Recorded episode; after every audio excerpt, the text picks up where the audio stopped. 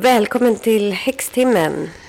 Ja, välkommen. Det är jättevarmt ute. Ja, det är så varmt. Det är, vi spelar in det här på nationaldagen. Ja, Eller kanske vi inte ska säga. jo det är väl kul. ja, vi ska prata magi, magiska ritualer, häxor. Men eh, jag har haft ett litet tarot-event Ja. igår ute i Bromma. Jättespännande ju. Vad gjorde du för någonting? Jag läste tarotkort på en möhippa ute i Äppelviken i Bromma. Så du var liksom bokad för en kväll? Ja. Bara, Gud vad kul. Ja, och jag gör ju det ibland. Nu under corona har det ju inte varit så jättemycket sånt. Men det börjar ju komma nu i och med att... Eller ja, jag har man kan vara utomhus. grejer. Precis, man kan vara ute och det börjar ju faktiskt släppa på de här restriktionerna Ja, nu. exakt. De släppte ju jättemycket på dem nu. Ja, så vi börjar se framför oss vår livepodd på Park och Ja. Mm. lite andra spännande grejer. Men jag ska berätta en sak för dig innan vi går in på magi. Mhm. Vet du vad skillnaden mellan Twin Flame och eh, Soulmate är? Nej, det vet jag inte. Men jag är intresserad av... Jag har aldrig hört Twin Flame, tror jag. Nej, men det har blivit lite så här populärt begrepp. Men jag tror att många inte riktigt fattar vad det handlar om. För det är ju så här, typ själsfrände, man, alltså soulmate. Man tänker, åh, vem är min själsfrände? Och sen så har folk börjat prata om twin flame, alltså tvillingflamma eller vad man ska kalla det, tvillingsjäl. Ja. Men då är det ju inte alla som vet vad det innebär. Nej. Och twin flame, ens twin flame kan vara alltså ens kompis eller ens, eh, en partner man träffar eller så. När man träffar den då liksom blir det som att alla ens eh, ambitioner går i uppfyllelse eller om det är kärlek. Alltså man verkligen så här driver på varandra och allt blir jättebra. Och twin flame, det är alltså att man har varit samma själ och den har delat på sig. På riktigt? Ja, så att, och det här kan ha skett eh, nyligen eller så har det skett för jättelänge sedan. Och så i det här livet så är det ens uppgift att hitta ens andra halva då och eh, sammanfoga de två själarna. Oj, Så och är det så för alla? Eller? Nej, det är tydligen ganska ovanligt. För jag tror, och det blir kanske fel när folk då säger, vad är min twin flame? För att det är verkligen inte alla som har en twin flame. Det är ju Mm. just bara om man har, alltså ens själ har delat på sig. Känner man sig liksom broken då om man har en halvsjäl? Ja, men typ lite att man kanske känner att man, man saknar någon del av sig själv eller att man inte riktigt så kommer igång med saker eller vad det kan vara. Och sen när man hittar den här personen så faller liksom bitarna på plats. Är det svårt att hitta den då? Eller är det sån där grej att själar gärna reinkarneras liksom om, med, tillsammans med de som de förut har varit nära? Liksom?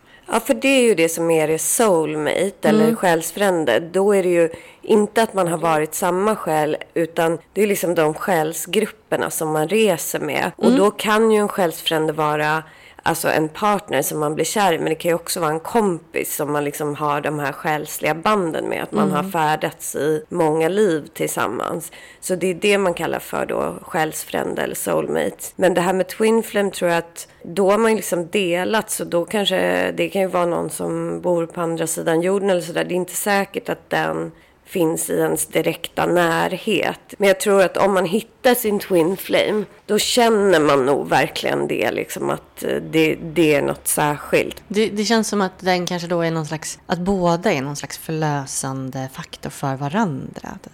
Jag kan tänka mig sådär, vissa människor är ju lite så att de känner så här, ja men typ jag kanske alltid har velat eh, skriva en bok men jag har liksom aldrig, jag har inte känt att jag har inspirationen eller jag har aldrig kommit dit. Och så när man hittar sin twin flame så kanske allt bara sätts igång och faller på plats liksom. Man förstår lite sitt, sitt kall och sitt syfte i livet. Men jag tänker på typ Gertrude Stein och Alice B. Toklas. Gertrude Stein var en känd författare som i början av 1900-talet förnyade vad litteratur är. Typ. Och hon skrev ju en bok som heter Alice B. Toklas självbiografi.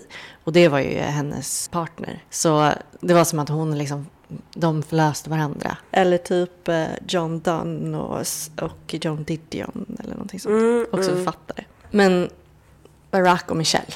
Ja, de skulle kunna vara det. De har ju också samma life path number. För det borde man ju Just kanske det. ha Liknande så här, element med sin, sin sån. Men alltså jag tror inte att jag har en sån där twin flame. Alltså jag känner mig rätt hel Mm. som jag är. Men jag pratade med en kompis här om sistondes som pratade om att hon liksom kände sig halv och mm. att hon i en meditation egentligen eller liksom en, så här, ja, en slags meditationsteknik hade fått reda på att hon hade haft en tvilling i magen. Alltså, ah, det var så. För det ja, eller, hört, ja, men grejen är, alltså det var inget, ingen kan ju egentligen bekräfta det. Men det var det som kom fram till henne själv. Mm. Att det hade varit en till ägg, eller vad man säger, som hade dött innan de föddes. Och hennes mamma har inte mm. heller vetat då. Alltså den hade kommit ut som någon blödning eller någonting. Och då menar de att det är därför hon har liksom känt sig halv. Och så kan det ju vara. Eller så kanske det är så att den här eh, narrativet av att hon skulle haft den här, kanske är en uppmaning till henne att hon har en twin flame som hon inte har hittat. Ah, det skulle kunna ja. vara något sånt. Mm. Att det, hon kanske faktiskt har en sån som hon inte är tillsammans med. För just att hon känner att någonting har saknats liksom. Och så blev det för henne, hon sa det nu, att det blev så alltså bekräftande för henne att den här tvillingen har funnits. Men det kan ju faktiskt vara en twin flame. Det skulle ju kanske vara bättre för henne för då kan hon ju träffa den. Men också om man vet om att det är därför man känner sig lite så här broken. Då kanske man kan eh, försöka gå igenom det och försöka hitta ett sätt att känna sig mer hel. Mm. Alltså om det skulle vara som att man aldrig träffar den här personen. Men om man är medveten om varför, då kanske det är lättare att liksom skapa en helhet för sig själv. Eller så här, ja. försöka hela sig själv. Typ. Istället för att bara gå runt och så här, varför, jag, varför känner jag mig så halv? Men hur har du haft det på sistone då, innan vi går in på magi? Jag har börjat på ett nytt jobb. Ja. Det, det känns helt okej, för att det är mitt jobb som jag har haft en gång för, länge, för två år sedan. Eh, så jag går tillbaka till mitt gamla mm. jobb. Ehm, jag blev tillfrågad om jag ville det. Och det är ganska skönt nu att gå tillbaka till en plats där man liksom vet att man kommer överens med alla man känner dem, man vet hur processerna går till och så. Jag jobbar som copywriter. Det är ju på distans, eh, åtminstone fram till så här typ mitten på september eller någonting. Vilket passar mig väldigt bra för att jag har väldigt starka koncentrationssvårigheter när det är mycket folk runt omkring. Och det är som att jag tar mm. in allas energier hela tiden. Så det passar mig väldigt mycket med det här nya sättet att jobba på. Just det, det var det jag skulle säga. Det har ju börjat hända mig också nu, det som du berättade om förut, att man känner av vilket stjärntecken en ny person har som man träffar. Och det är så himla kul. Mm. Men det, vi pratar om det och det är för att vi är liksom väldigt mycket uppe i stjärntecken hela tiden. Och så här. Vi pratar om det och har mycket så teorier om hur det hänger ihop. Och just när vi gör Tre bägare, vår Patreon-exklusiva podd, mm. där vi går igenom någons birth chart, då blir det så tydligt hur det är inte bara ens soltecken som spelar roll, men ändå att man kan se den delen liksom shine through. Det är ju så mycket som spelar roll, ascendent och vissa gissar ju folk ofta fel på, som myself include. Många tror att jag är lejon. Mm. Men jag tycker ändå att alla jag känner är sitt soltecken så otroligt mycket. För det är ju jag också. Alltså, mm. Även om jag då uppfattas lite som lejon till exempel.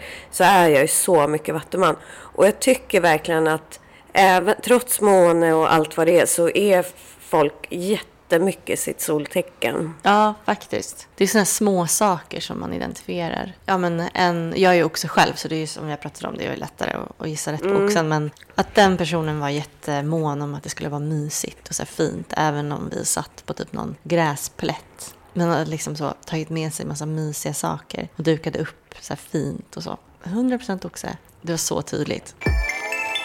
Vi är ju fortfarande inne i den här Merkurius eh, retrograd. Mm.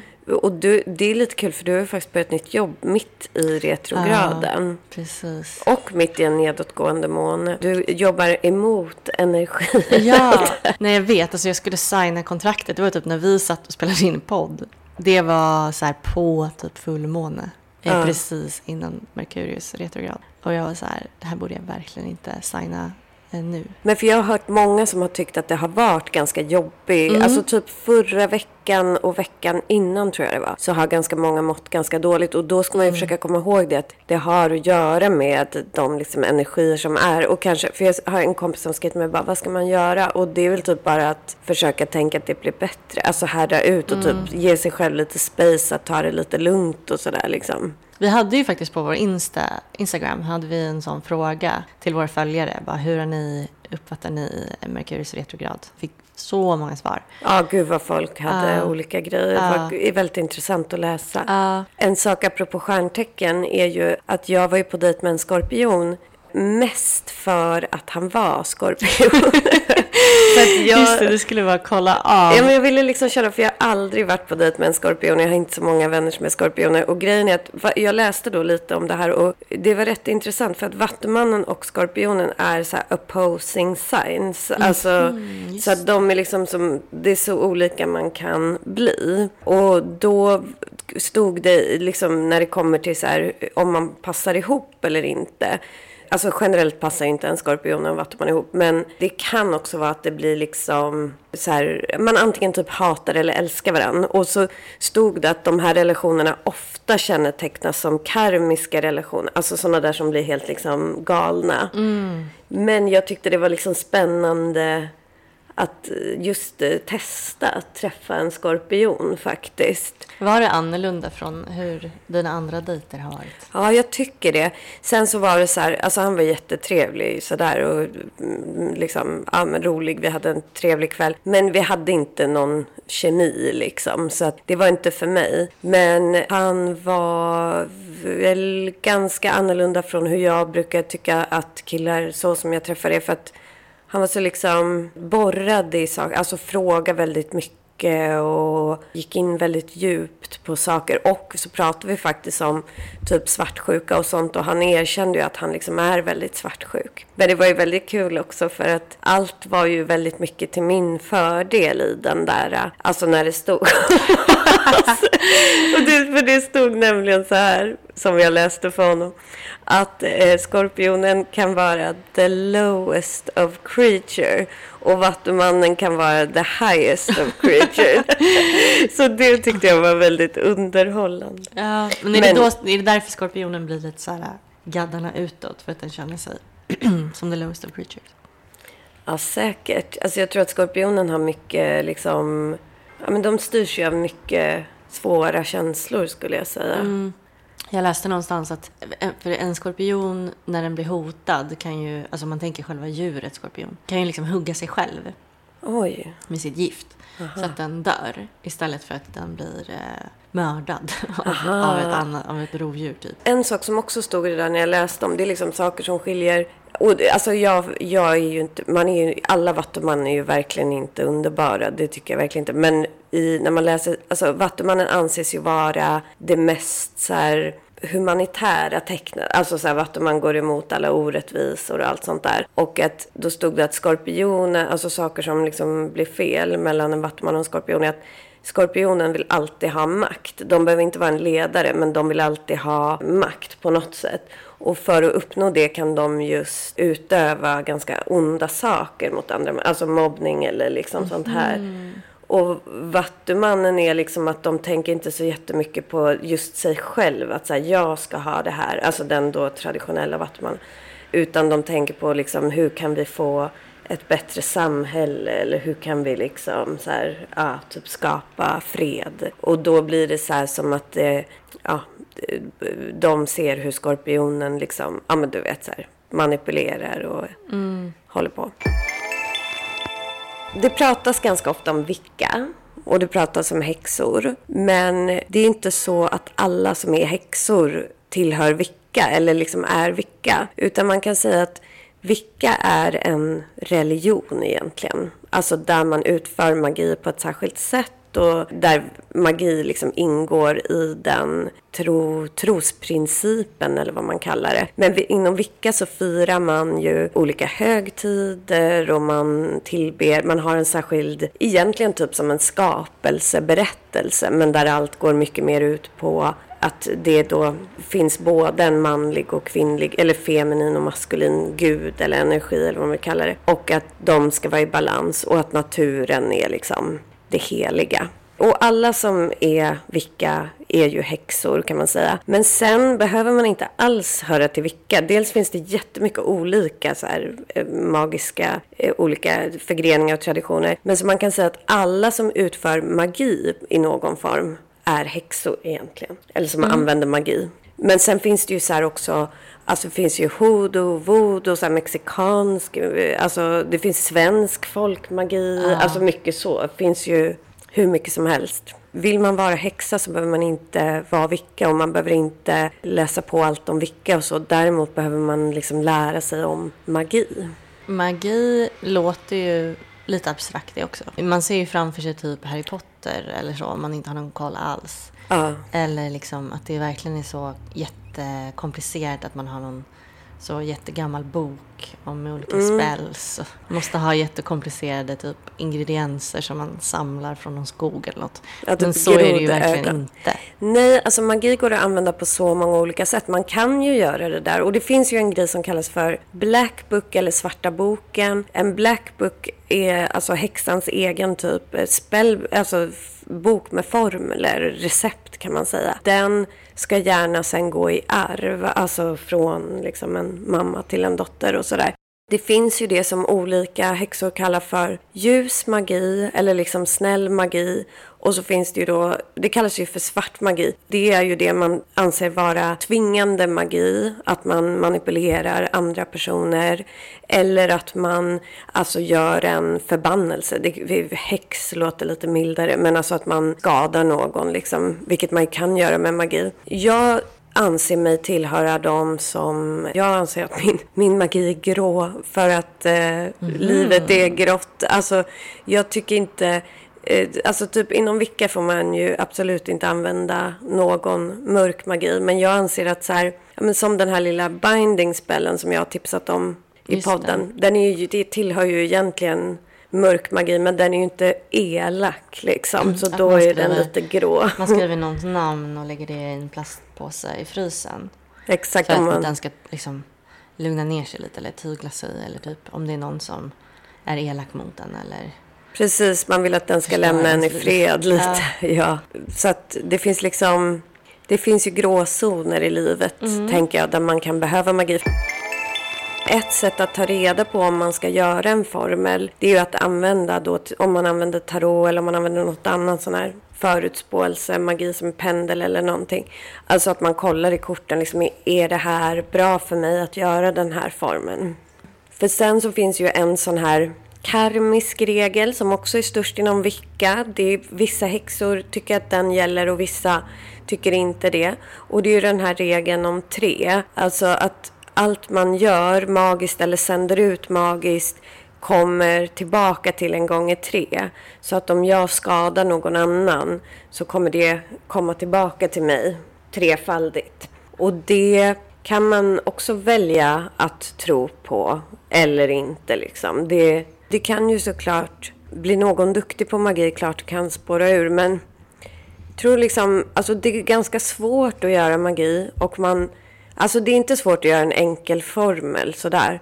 Men det är ganska svårt att liksom utföra en ritual som liksom verkligen skadar någon eller gör sådär. Och så att, jag tror liksom att går man in så mycket i magi och liksom klarar av att göra en sån formel så hoppas jag att det är personer som tar ansvar liksom. Men sen är det ju som med allt, alltså det blir det. Allt blir så här, nej man får inte göra det och det. Och det är så här, men ja, man får inte slå någon, men det är vissa som gör det ändå. Du och jag skulle aldrig göra det, men det finns människor som gör det. Det är samma sak här, det är energiarbete. Men Ja, som, som du säger, det finns inte goda människor och onda människor bara. Alltså det finns inte en sån uppdelning Nej. i världen. Även om det är många som verkar tro det ibland. Mm. På Twitter typ.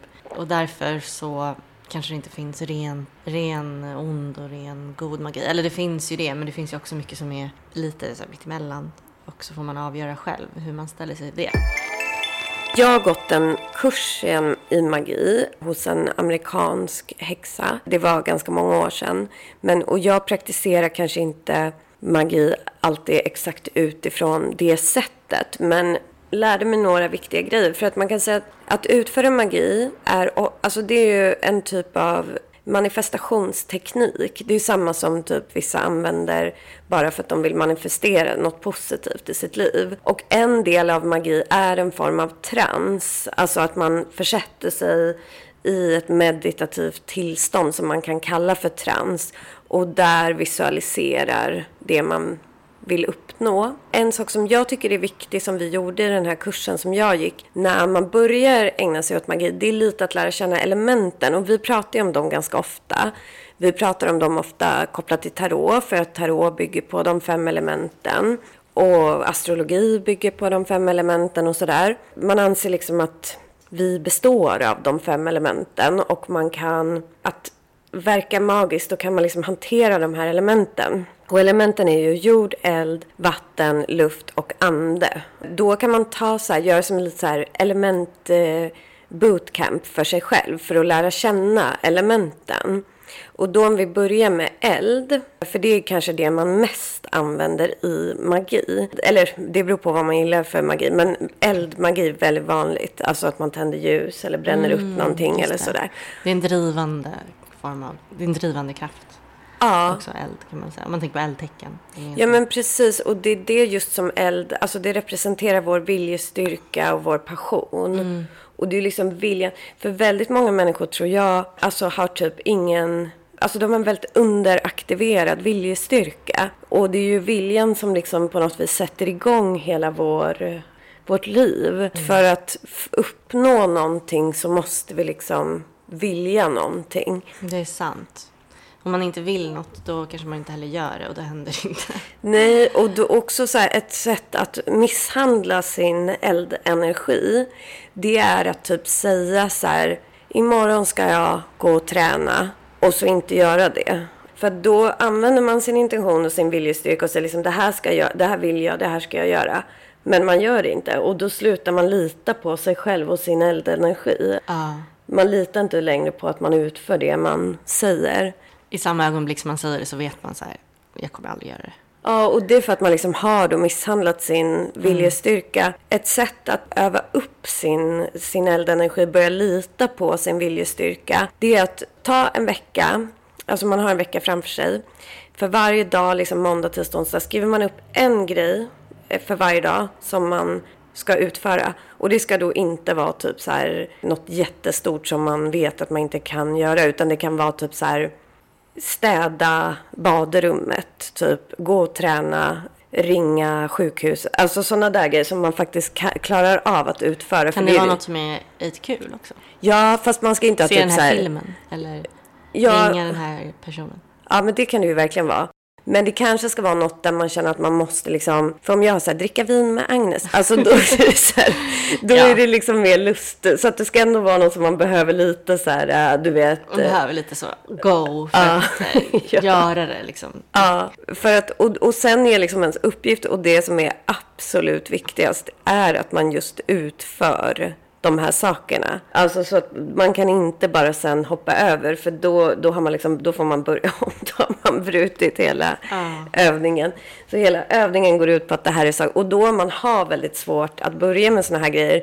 Då kanske man inte ens ska ha typ gå och träna utan då kanske man ska ha typ diska. Eller du vet, alltså något ganska mm. enkelt. Gå som en man... Eh, kvarts promenad. Exakt, något som är enkelt som man faktiskt kommer att mm. genomföra. Eller typ läs ett kapitel ur din bok. Det som är viktigt det är att du ska börja lita på din intention och din viljestyrka. Så att sen när du sitter i en magisk, alltså när du ska göra en magisk ritual och säger jag ska ha det här eller jag har det här. För man pratar ofta i, alltså i magi ska man alltid prata som att man redan har saken. I presens. Och då ska du veta att du uppnår det. Och det gör inte du om du då vet att du aldrig går och tränar om du säger att du ska göra Alltså sådär. Mm. Alltså att du ska liksom lita på att det du säger, det händer. Mm. Så att det är därför man gör så här. Och det där tycker jag är en väldigt, jag tycker eld är kanske den man ska jobba med först och mest. För jag tror att väldigt många har väldigt liksom dålig relation till den. Det är så intressant för att då lär man ju sig, man lär känna sig själv bättre. Och mm. det är ju väldigt viktigt. Att jag säger, ja men imorgon ska jag gå och träna och så vet jag någonstans att jag kommer inte göra det. Då blir jag lite snäll mot mig själv om jag är så här, nej men då säger inte jag att jag ska göra det. Och det är okej. Ägna den energin åt någonting annat som jag liksom vet att jag kommer göra. Eller se på mig själv på ett annat sätt. Och inte se på mig själv som den personen som inte gjorde det. Typ. Nej, precis. Då är det bättre att du skriver typ göra fem situps hemma. Ja, alltså, någonting men... som är äh, liksom möjligt. Och också en sån grej som ingår i den här, om man ska kalla det för eldveckan då, det är att man också ska vara ärlig när man pratar med folk. För det är ju väldigt ofta som man inte är det heller. Alltså, eller, och då inte att man ljuger, men du vet om någon säger så här, kan du fixa det här eh, till imorgon? Så kanske man säger, ja visst. Och så vet ja. man själv att jag kommer inte göra det. Då under just den här veckan ska man säga att nej, jag kan nog inte göra det idag, men jag kan göra det inom två dagar. Eller sådär. Alltså att man är ärlig i sin kommunikation och inte säga att nej, jag kommer inte för jag känner mig lite allergisk eller förkyld just nu. Utan då säga att jag kommer inte för jag har inte lust, jag orkar inte. Alltså sådär, var ärlig liksom. För det är också viktigt. För att har man den här relationen till det man kommunicerar så påverkar det också ens magi. Mm, wow. Vattenelementet där har vi en mycket lugnare energi. Det är våra känslor och vår intuition, vår liksom mer drömska energi, som, vår fantasi och sådär. Och det behöver vi ju också i magi. Vi behöver känna när vi utför en magisk ritual och gör den här, vi liksom bestämmer att det här vill jag göra. Då behöver vi också kunna känna i vår kropp att liksom jag känner att jag har det här. Så vi behöver lära känna våra känslor och vad vi tror på. För vi måste också, varför vatten också är så viktigt, det är också för att vi behöver tro på magi om vi ska utföra magi. I vårt vattenelement liksom, som representerar känslor och så, där finns också våran tro. Och då kan man till exempel om man vill lära känna sitt vattenelement kan man under en vecka skriva ner varje dag vad man har för känslor, alltså vad man upplever för känslor. Man kan göra meditationer där man går in med det undermedvetna, försöker få kontakt med det. Och även ägna sig lite åt att tyda sina drömmar, för där är vårt, i våra drömmar, det är liksom vårt undermedvetna som kommunicerar med oss då. Så där är vårt vattenelement aktivt liksom. Och vattentecknen är fisk, kräfta, skorpion. Ja, precis. De är ju väldigt känslostyrda. Ja. Man alltså, stjärntecken har kanske inte så mycket just med det här att göra, men man kan känna en parallell där och man känner liksom, man kan mycket om stjärntecken. Man förstår ja, verkligen. För, för kraft. Ja, precis. För det är ju så, alltså alla har ju de här elementen inom sig. Ja. Men man, om man tittar på stjärntecknen så förstår man ju kopplingen. Alltså att eld är de här då väldigt liksom passionerade och drivna tecknet medan vatten är de här känsliga och intuitiva. Så. Luft, det är ju tankar och kommunikation och så här. Och då tänker man om man ska öva upp det så kan man skriva. Man kan låta sin fantasi tala, alltså skriva berättelser under ett tag. Läsa, alltså sagor och berättelser. Också kanske föra dagbok. Just få ner sina tankar, få ut sina tankar. Och liksom känna att man använder sitt luftelement. För det gör man ju liksom när man skriver eller när man kommunicerar då. Handlar det typ om att man ska liksom föreställa sig när man utför magi? Ja, det är visual, alltså ah. visual, visualiseringsförmågan är i luftelementet. Så att ju bättre man blir på liksom att fantisera, att föreställa sig saker och så, desto bättre blir man på visualisering. Sen jordelementet, det är ju liksom det fysiska, det kroppsliga och där skulle jag, dels det kan också vara träning eller vara ute och gå, vara i naturen, vara med jord, plantera en kruka eller någonting. Bonsai-träd. Ja, exakt. Mm. Och frö. Men också göra kroppsmeditationer där man går ner i kroppen. Alltså en kroppsmeditation kan ju vara att man liksom ska känna in olika kroppsdelar och slappna av i dem. Alltså sådär, att man liksom lär känna sin kropp och tänka på att ta hand om den. Och sen anden är ju också då ett element och det är ju liksom vårt högre jag. Och där tänker jag att meditation är det bästa för att lära känna den. Alltså en meditation när man höjer sitt medvetande. Alltså det är alla de här äh, delarna sammantaget som man använder sig av när man utför magi och därför är det bra att de inte, alltså att man har tillgång till dem. Ja, och de, att de är i någon form av balans. Mm. Just det, det är viktigt. Mm. Men det, och det känns ju som att liksom alla de här sakerna är ju viktiga för ens mående. Nu, nu, säger vi mycket visualisering och folk kanske faktiskt inte vet vad det är. Det är ju en teknik som används absolut inte bara av häxor utan det används ju egentligen av typ alla så här VDR typ. Mm. Och då är det ju att... ja. ja, Trump har ju faktiskt använt, jag har ju läst den boken. Uh. Han, hela hans tro liksom bygger ju på en bok som är kristen men egentligen är det ju en magisk praktik som han, där ingår mycket visualisering. Den är jättekonstig och liksom man vägrar misslyckas i princip. Men mm. den funkar ju bevisligen. Han, är ju, ja, han har ju varit president. Precis. Och det var därför han vägrade inse då att han har förlorat valet. Ja. För att han, han var så starkt inne i det där. Att om han visualiserade och trodde på någonting så, blev, så var det sant för honom. Han, för att han är mm. psykopat typ. Mm. Eh, så han kunde vägrade inse att, att, bara för att han trodde på det så, han, så var det inte sant. Typ. Ja, det, det, det är intressant när den förklaring, förklaringen kom. Jag läste typ någon text om exakt det. Om att det, det var en, så här, en förklaring till hur, varför han höll på som han gjorde. Mm. Det känns som att den här tekniken i händerna på män som Donald Trump eller typ så VDR eller typ slemmiga killar på krogen kanske inte Alltså det kan, då kan det bli svart magi. Alltså, ah, ja, gud ja. Mm. Um, men att det bara är som ett verktyg. Alltså så här, bara för att Trump använder det på det sättet behöver inte betyda att typ visualisering är någonting dåligt. Precis, och jag tänker att visualisering har nästan fått lite dålig klang för mm. just att det är så mycket typ eh, så här successful män som pratar om det. Uh, the secret. Men det är ju egentligen en liksom gammal... Vi består ju av energi. Alltså atomerna består av energi. Det är en liksom... Det är någonting som sänder ut energi, som drar energi till oss. Placebo, är inte det en ganska bra exempel på hur man Alltså vetenskapen kan ju inte förklara det. Jag antar att om den kunde det så skulle man kunna bota typ alla sjukdomar. Att man, när man tror på att man ja. får medicin som ska göra en frisk så blir man det. Det, är inte så, det funkar inte så för alla, men väldigt många. Och det, där har man ju faktiskt vattenelementet om man tänker. För det är egentligen inte riktigt visualiseringen utan det är... Ehm, eller det är ju en, en del av visualiseringen. Men själva det man säger visualisering det är ju att se någonting framför sig. Men där är ju därför också kommer in, som man förstår kanske mer då i magi, att det är så viktigt att tro. För det är ju mm. placebo. Alltså man kan ju bli frisk från så cancer och helt sjuka saker ja. av placebo för att man tror att man ska bli frisk. Så att det är därför också tro är så otroligt viktigt i magi. Man kan inte bara utföra en formel utan att tro på den. Och tänk hur mycket man går runt och tror som ja. är negativt om ja, men sig precis. själv. Typ, eh, den hatar mig eller jag är sämst på jobbet. Dumma tankar. Ja. Som då kanske liksom, ja, det är klart att det tank, liksom, dåliga tankar drar ner ens mående. Men det blir också som någon slags, att det till slut blir som en slags sanning. Ja, man liksom typ manifesterar det negativa som man egentligen då är rädd för. Mm. Alltså manifesterar man typ in i sitt liv för att man tror på det, man kommunicerar det till sig själv. Så det är ju värt för alla att så fundera lite på mm. att om vi kan bli friska från eh, cancer för att vi tror att vi kan det, då kan vi ju liksom också ja, men, få ett negativt liv för att vi tror att vi är dåliga. Du nämnde The Secret förut. Alltså, det är ju någon slags bok som ja. var sjukt hypad när den kom.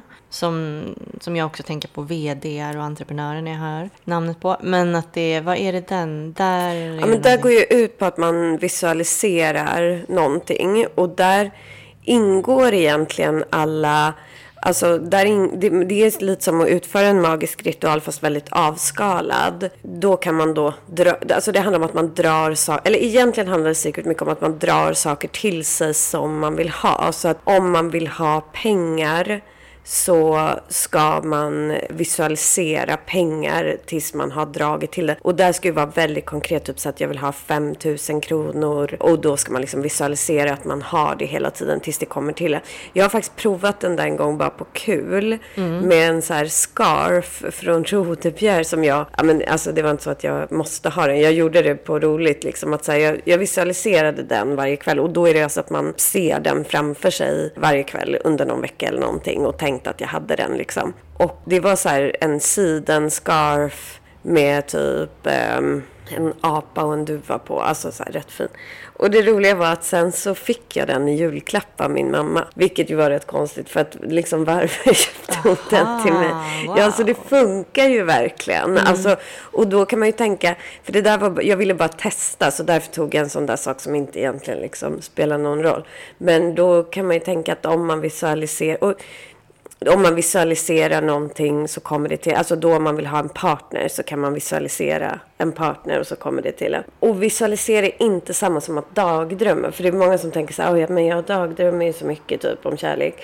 Varför kommer inte det till mig? Utan visualisera ska man göra liksom bara under några minuter typ. Och då är det viktigt att man ser det här. Det ska liksom inte gå över det att man ligger och fantiserar. Utan ska vara man ser det här tydligt framför sig. Man ser det som att man är där eller man redan har det. Och man ska också känna i kroppen att man har det. För det är många, och det också går in i magi och så, att många tycker det är ganska svårt att visualisera. Alltså det handlar om att se framför sig. Det är ju en typ av meditationsteknik där man liksom, om jag vill äta middag med dig och det är det jag ska visualisera, då ska jag liksom se det som att jag sitter där och äter middag, alltså ser dig framför mig, ser, känner doften av maten, känner smaken av maten, alltså förstår. Så sådär. väldigt så här ingående och typ det- detaljnivå. Inte bara en tanke utan verkligen en vision. Precis, och då om man tycker att det är jättesvårt att se det här, då kan man använda sina andra alltså att man mer känner känslorna av att vara där, känner din energi eller känner känslan av att vara i det här man vill ha liksom. Och så får, kan man ju öva sig. För att det är det där med meditation och visualisering och så. Då säger folk att nej jag kan inte det är så svårt. Bara, men det är samma som allt annat, man måste lära sig. Bara för att det är något spirituellt eller liksom så, så är det ju inte, man är ju inte bra på att meditera förrän man har övat sig att göra det liksom. Och samma med visualisering är det ju. Vi kan gå in på en väldigt så här enkel spell som alla kan göra. Det här är då inte någon tvingande magi. Så man, den här är inte en formel som man använder om typ så här, jag vill att den där killen just ska bli kär i mig eller sådär. Utan det här är mer att man kanske tänker att jag vill ha en lycklig relation. Eller jag vill ha ett jobb som jag trivs med. Eller jag vill ha ett hus. Eller ja men sådär. Och då så, så, jag tycker att man ska ha lite beskydd mot andevärlden när man gör en formel. För att man öppnar ändå upp sig och sina energier. Och det kan man göra på ett väldigt enkelt sätt genom att bara visualisera ett vitt beskyddande ljus runt omkring sig. Och sen så då, när man har bestämt vad det är man vill ha, så pratar man om detta rakt ut. Det viktiga är här att man pratar som att man redan har det här. Och här kan man då, om man vill använda en ramsa som man har skrivit. Sen så kan man också skriva ner det här. Det kan vara valfritt. Att man skriver ner det på en lapp, också i liksom presens. Säger man det högt? Ja, man, det är viktigt att säga det högt också. Så att säga det rakt ut, för orden är också manifesterande och liksom sådär. Alltså ens talande röst så. Och sen så tänder man ett ljus och då kan man ju välja ett ljus i en färg som i vårt förra avsnitt, färgmagi. Att om det är kärlek man håller på med kanske man väljer rosa och framgång, grönt eller sådär. Och så tänder man det här ljuset och så sätter man sig ner under några minuter i ljuslågan och visualiserar detta, att man har det här, det som man har skrivit på lappen och sagt. Och känn, är noga då med att känna in de här känslorna som man skulle ha om man redan hade det här. Känner att man tror på det fullt ut, att det här är mitt. Sen när ljuset har brunnit ut eller om man släcker det själv så kan man göra något med lappen och det där kan också vara lite valfritt. En väldigt populär grej som häxor har gjort länge det är att man begraver lappen i en vägkorsning, alltså fyrvägskorsning. Eller så kan man faktiskt slänga det i en papperskorg som är en korsning om man bor i stan liksom. Eller så kan man göra något annat med lappen. Men sen släpper, det här är jätteviktigt i magi, sen släpper du det här. Du går inte och tänker på det och så här, när ska det här komma? Eller ah, vad tänkte jag under formen och så här. Utan du, du bara släpper det och går vidare med ditt liv som att det inte har hänt. Eller liksom, och tänker inte tillbaka på det och ältar inte och så. Och det är också en väldigt viktig aspekt av det. För att om du fortsätter gå och tänka på det, då liksom för du in annan energi och tvivel och så här. Aha. Men kan, skulle det kunna vara en önskemagi? Att man gör en ritual där det är mer att man bara önskar sig mer själv, självkärlek. Ja. Eller för jag, det här är lite sjukt. Men jag har typ svårt att komma på någonting som jag vill ha. Eller så här, Ja. Det är så, så abstrakt. Typ. Och det kanske inte är exakt det vi menar heller. Att man vill ha någonting. Utan att man vill att någonting ska komma till en. Ja. På något sätt. Det kan ju vara att man vill ha ett uppdrag. Eller att man vill ha den här personens eh, kärlek. Eller så. Men det kanske också bara kan vara att man vill ha mer. Eller man vill känna sig mer trygg eller så. Absolut. Och det kan till exempel vara du som är i en relation. Då kan man ju använda en sån här form för att du vill så här, att ni ska ha en bra tid i relationen. Alltså att du vill så här, manifestera att ni har eh, en så harmonisk tid eller sådana blessing, typ. Ja, exakt. Man kan ju liksom använda magi på väldigt olika sätt. Behöver inte bara vara för att få någonting eller uppnå någonting. Det kan vara just bara för att komma mer i kontakt med sig själv. Eller, men vilket man ju kan använda den här, den här formen till också. För det kan ju vara så jag vill känna mig nöjd med livet och med mig själv. En sak som man kanske ska nämna också, för det är ju så här typ inom Vicka så använder man ju, då ska man ju ha olika verktyg.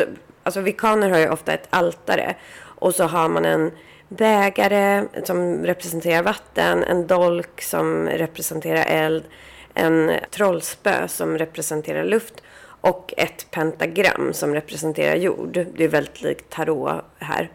Men om man vill ha med sig den här elementkraften men inte har de här liksom verktygen, för de ska man så här initiera och så i sin praktik. Då kan man ha bara någonting framför sig som representerar elementen. Så man kan ha så här en skål med vatten för vatten. Man kan ha en, ett ljus för eld och man kan ha till exempel rökelse som liksom ryker för luft eller en fjäder. Och man kan ha något jord, alltså typ en sten eller vanlig jord för jordelementet. Så att man känner att man har elementen med sig. Men magi är ju ett sjukt stort ämne. Den formen vi sa nu, det är en ganska enkel och avskalad form, men den tillhör ju eldmagi. För det finns ju också så här vattenmagi, eldmagi, alltså och använder man ljus, då är ju det eldmagi. Och det man tänker sig där, det är ju att lågan och det här, alltså det sänder också ut energi. Ja, jag sitter och tänker på här vad jag, skulle, vad jag vill göra för magi.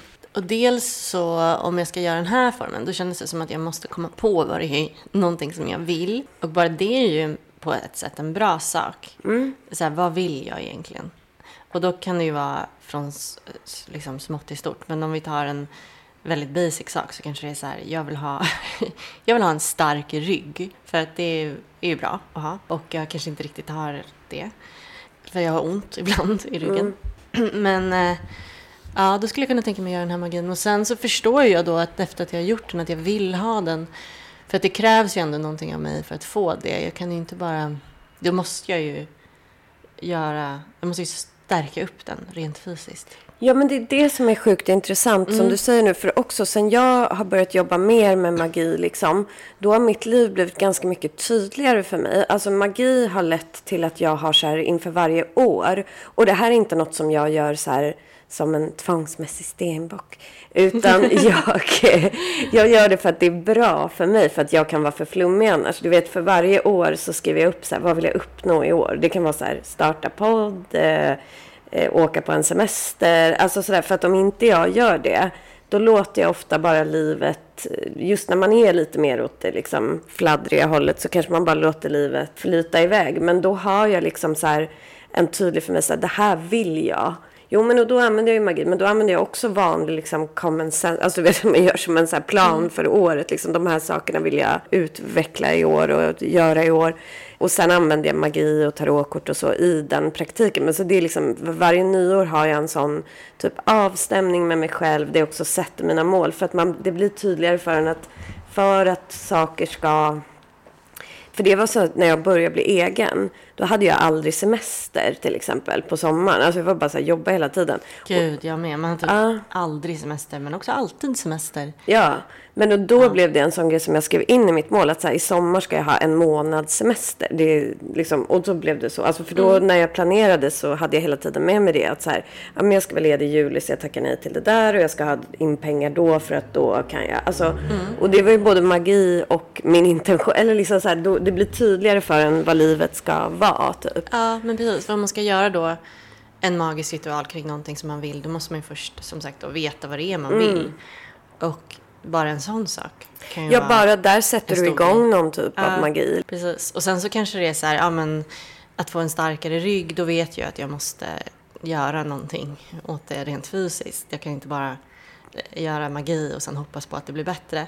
Nej. Ehm, men kanske så här, men kanske så vara nöjdare med mitt liv. Det kan man ju, då gör man ju kanske, då kan man ju göra magi på det. Och sen så är det bara någonting som jag får ta med mig. Alltså det är ingenting rent fysiskt eller så som jag kan Nej. göra för att få det. Nej. Mer, mer, mer ett sätt, en inställning Mm. som jag ju då manifesterar genom den liksom magiska ritualen.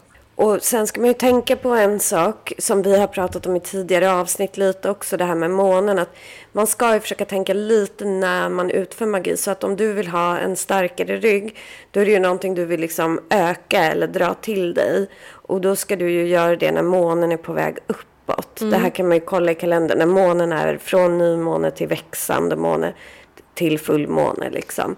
Eh, och sen om man vill bli av med saker, att man vill göra en ritual för att få ut någonting av, ur sitt liv. Då gör man det när månen går neråt.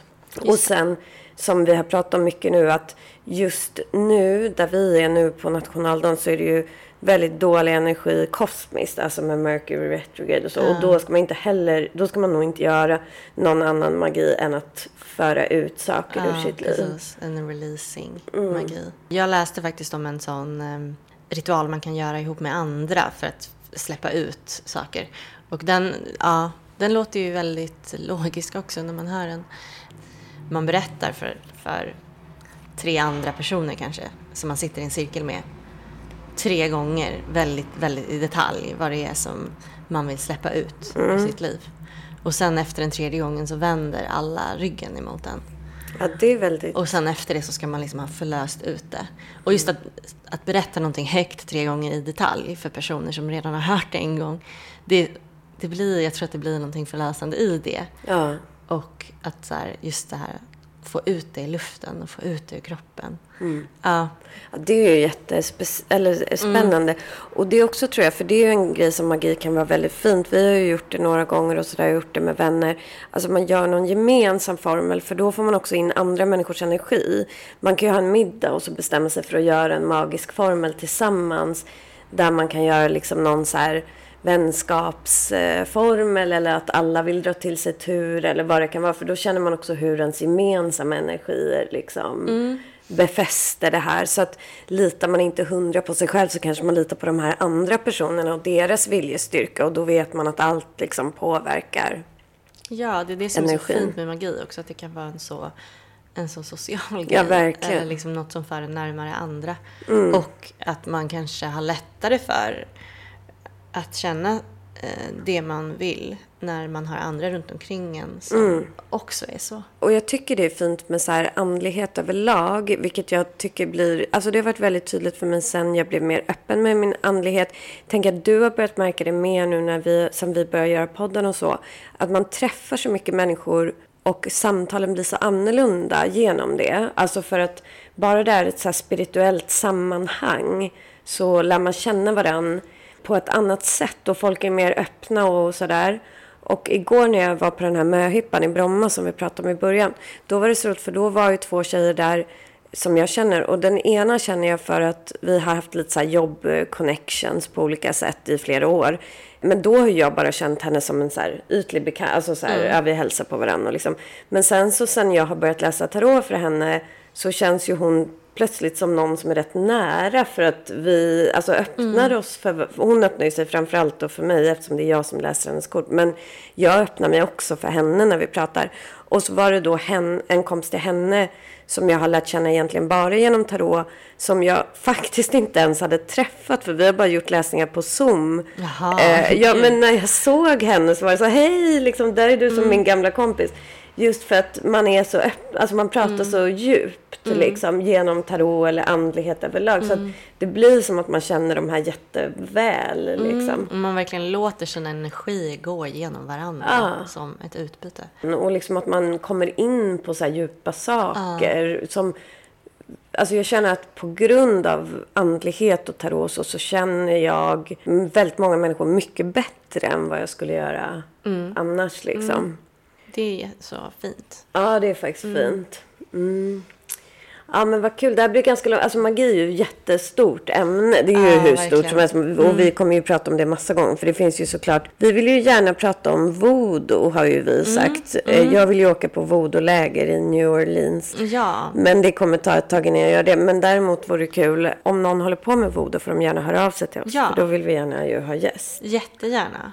Och eh, om ni har några fler frågor om magi och sådär kan man skriva till oss på Instagram. Precis. Och vi kanske ska köra en sån på Instagram, typ så här fråga om magi. Så kan vi ha det till nästa gång vi pratar om magi, att vi har med de ja, frågorna. men det, det gör vi. Det är Gud kul. Ja, För det är alltid det är så roligt när vi får frågor. Och, eh, vi är så glada för alla som hör av sig. Alltså, Ja, det är så sjukt kul underbara med och- så här engagemang på ja, Instagram. och så mycket. Det är verkligen så mysigt.